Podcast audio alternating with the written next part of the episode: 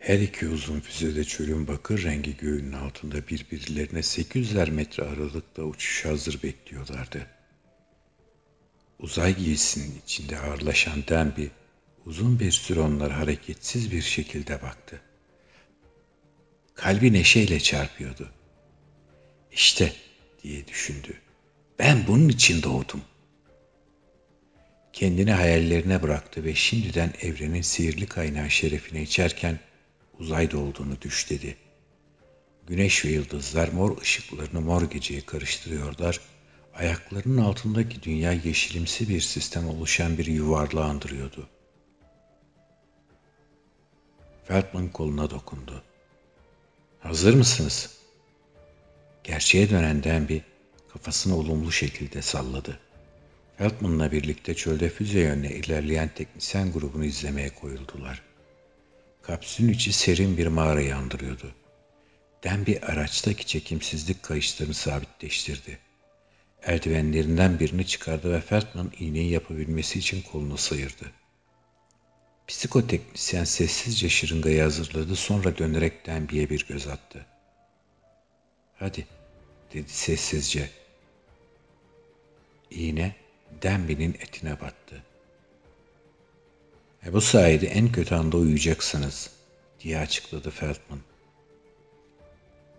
Teknisyenler son hazırlıkları tamamladılar. Denby'ye başarılar diledikten sonra birer birer füzeden ayrılıp gündüzün kör edici aydınlığına çıktılar. Gerçekten de gitmek istediğinizden emin misiniz? diye sordu Feldman. Aman tanrım! Bana gitmek isteyip istemediğimi soruyor. Bütün hayatım bu anın bir delilidir. Hep bunu hayal ettim. Bir başka şey için yaşadığımı anımsamıyorum. Ve o bana gitmek isteyip istemediğimi soruyor. Diye düşündü Denby. Evet, gitmek istiyorum. Bana öyle geliyor ki bu hakkı kazandım öyle değil mi? Dedi. Psikoteknisyen hafifçe güldü. Bu kesin. Kimse inkar etmiyor. Fakat bir an düşünün dostum. Bütün hayatınızda bir hayalin peşinden koştunuz. Şimdi ona ulaştığınızı düşünüyorsunuz. Bütün gençliğinizde bir gün ayın etrafında ilk turu yapacak tek adam olacağınızı düşlediniz. Fakat oraya ulaşmak için çalıştığımı da unutmayın Feldman, dedi sertçe Dembi. Anımsayabildiğim en eski anılarımda Hatta ufak bir çocukken bile daima kafama koyduğum bu düş yüzünden benimle alay ettiler. Diğerlerinden değişik ve her zaman yalnızdım. Düşün benim tek arkadaşımdı. Çalıştım, düşündüm. Kendi kendime sordum ve karar verdim. Şimdi de hayatıma bir anlam verecek şansı elde ettim.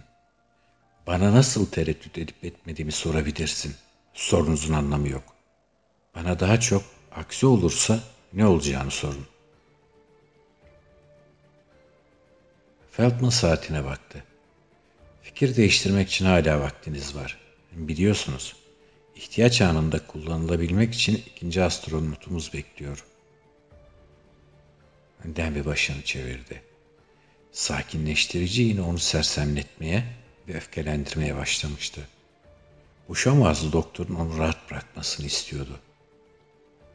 Bir hayal için yaşadınız ve onun yüzünden yalnız kaldınız. Her zaman yalnız diye sordu Feldman. Den bir cevap vermedi. Feldman'ın sözleri onu çok etkiliyordu. Yalnızlık. Evet, onu iyi tanıyordu. İçini bir ürperti kapladı. Cam kırıkları gibi hatıralar her tarafına sarılıyordu. Evet çok yalnızdı.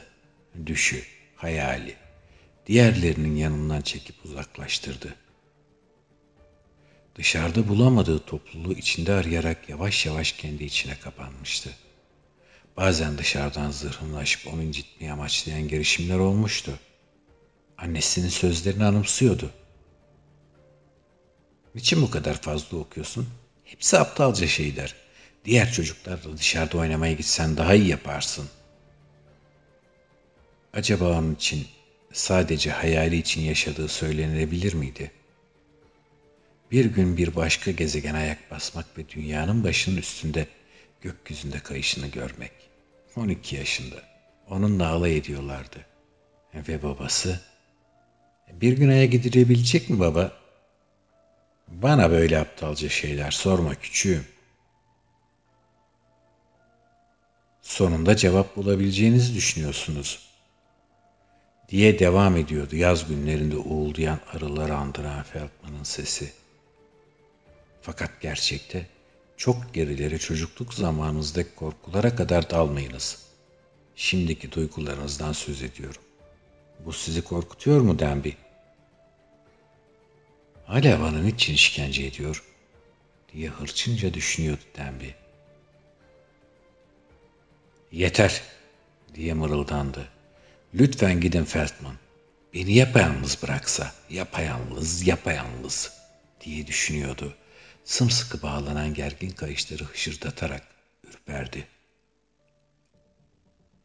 Özür dilerim dostum. Feldman omzuna dostça vurdu.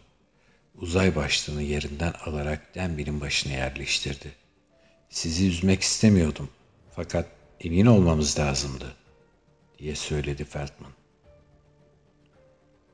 Valfa kadar yürüdü ve son bir kez daha döndü. Sizden özür dilerim Denby, dedi tekrar ve yok oldu. Denby yarı uyuşuk bir halde füzenin ilk sarsıntısını bekledi. Beklediği gecikmedi. Sessiz küçük hücresinin duvarlarını titreterek sağır edici bir gök gürültüsünü takiben gevşediğini hissetti. Basınç elbisesi ani şokla gövdesini sanki bir mengenede sıkıştırıyormuş duygusu vererek acıtıyordu. Sonra gece oldu. Kapalı olduğu kendi küçük evrenini çok yakınlarında bulutsuzları andıran sarı spiral ışıklardan oluşmuş bir gece sarıyordu. Kalbi çarparak sessizlikte uyandı. Nihayet oradaydı. Hayalleri gerçekleşmişti. Ayaklarının altındaki füzenin devamlı titreşiminden dolayı güçlükle yer değiştirerek kayışlarını çıkardı ve birinci ekranın düğmesini çevirdi. Gördüğü manzara çığlık atmasına neden olmuştu. Güneş ve yıldızlar hep beraber siyah bir gökte parlıyorlardı fakat gök hayallerinin göğünden sonsuz derecede büyük ve soluktu. Bu büyüklüğün sonsuz karanlığın hissi boğazını merhametsizce sıkıyordu. Anılarını tekrar hatırladı. Baba bir gün aya gidilecek mi? Böyle aptalca şeyler sorma küçüğüm. Duyduğu üzüntüyü anımsıyordu. Fakat birden bunlara tıpkı can simidine yapışır gibi sarıldığını anladı. Onu bu geniş korkunç boşluğun ortasında bir şeye bağlayan zincir vardı. İnsanlık anıları, dünyanın anıları. Birer birer uzayın parlayan boşluğunca sarılıncaya dek öteki ekranları açtı. Yıldızlar uzak ve soğuktu. Güneş daha uzakta ve yerin gerçeküstü parlaklığı gözlerini rahatsız ediyordu. Denby, sanki bu sınırsız korkunç gecenin içine düştüğünü, takla attığını sandı. Tabanı oluşturan arkalığına sıkıca yaslanarak ve bir kenara dertop olarak çekildi. Sonsuza dek yalnız olduğunu duyumsadı. Ve ansızın yeşilimsi bir topa benzeyen, yabancı, gerçeküstü bulutlarla kaplı dünyayı gördü. İçinde gör bir çılgınlığın dolduğunu hissetti. Şakaklarını hayvani bir şiddet dalgası kapladı. Hayalimde böyle değildi diye çaresizlik içinde düşündü. Hayalinde korku yoktu. Hayalinde azametli olduğunu, galip olduğunu hissediyordu. Etrafında ne bu korkunç sonsuz boşluk ne de bu iğrençlik, bu soğukluk yoktu. Önden bir aykırmaya başladı. Çığlıkları korku içinde çatlak bir sesle başlığından yansıyordu. Haykırıyor, devamlı, durmaksızın haykırıyordu. Valf açıldığında ve psikoteknisyen onu büyük güneşin altındaki çöle çıkardığında hala haykırıyordu, haykırıyordu. Sizi uyarmak istedim, dedi sakin bir şekilde Feldman. Fakat dediğiniz gibi bu girişimde bulunma hakkına sahiptiniz. Hastanedeki yatağın üstündeki silüetten gelen ses zayıf ve katıydı. Demek hepsi hileydi. Hepsi. Bu bir maskaralık. Feldman başını salladı. Tam değil. Ekranlarda V2'lere monte edilmiş otomatik kameraların aldığı filmleri görüyordunuz. Çekim olayları da santrifüj kuvvetiyle oluşturuldu. Siz sadece beceriksiz adayları sınamaya yarayan yapay bir aygıttaydınız. Benim gibi. Dedi acı bir şekilde. Eh, evet dostum. Ondan korkuyordum.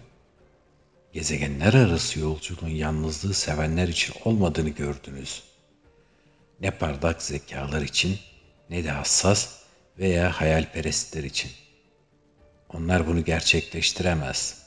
Hayır, yıldızlar güçlülere, hayvan gibi olanlara aittir. Yalnız onlar bu gerçek katılığa karşı koyabilirler. Onlar için bu boşluğun anlamı yoktur ve gizli öfkeler saklamazlar. Denby'nin hıçkırıklarını zorla zapt ettiğini duydu ve uzun bir an kapıda beyaz yatağında hayret içinde yatan Süriyet'i izlemek için durdu. Sonra kafasını üzgün bir şekilde çevirdi. Hayal, hayalperestler için yapılmamıştır, dedi sonunda.